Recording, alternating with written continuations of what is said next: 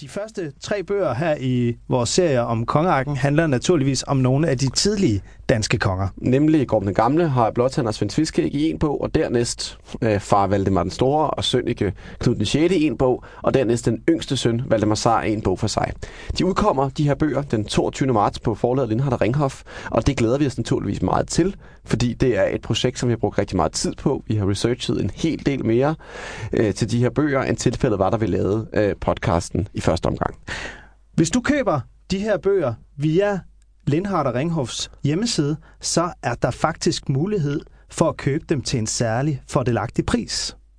Du indtaster rabatkoden KONGE, så kan du altså få bøgerne til en lidt billigere pris end i butikkerne. Det håber jeg naturligvis, at mange af jer vil gøre.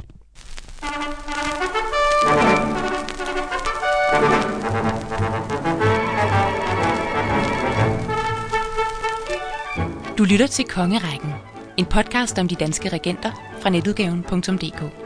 Et afsnit for hver konge og dronning, hele vejen op gennem Danmarks historie.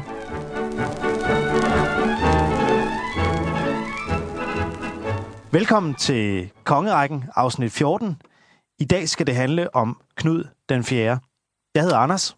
Jeg hedder Hans Erik. Hvis man lige, nu startede med at sige, at i dag skal det handle om Knud den 4. Ja, vi starter med tal i dag, faktisk, kan vi godt sige. Ja, men der er også nogen, der kalder ham Knud den 6.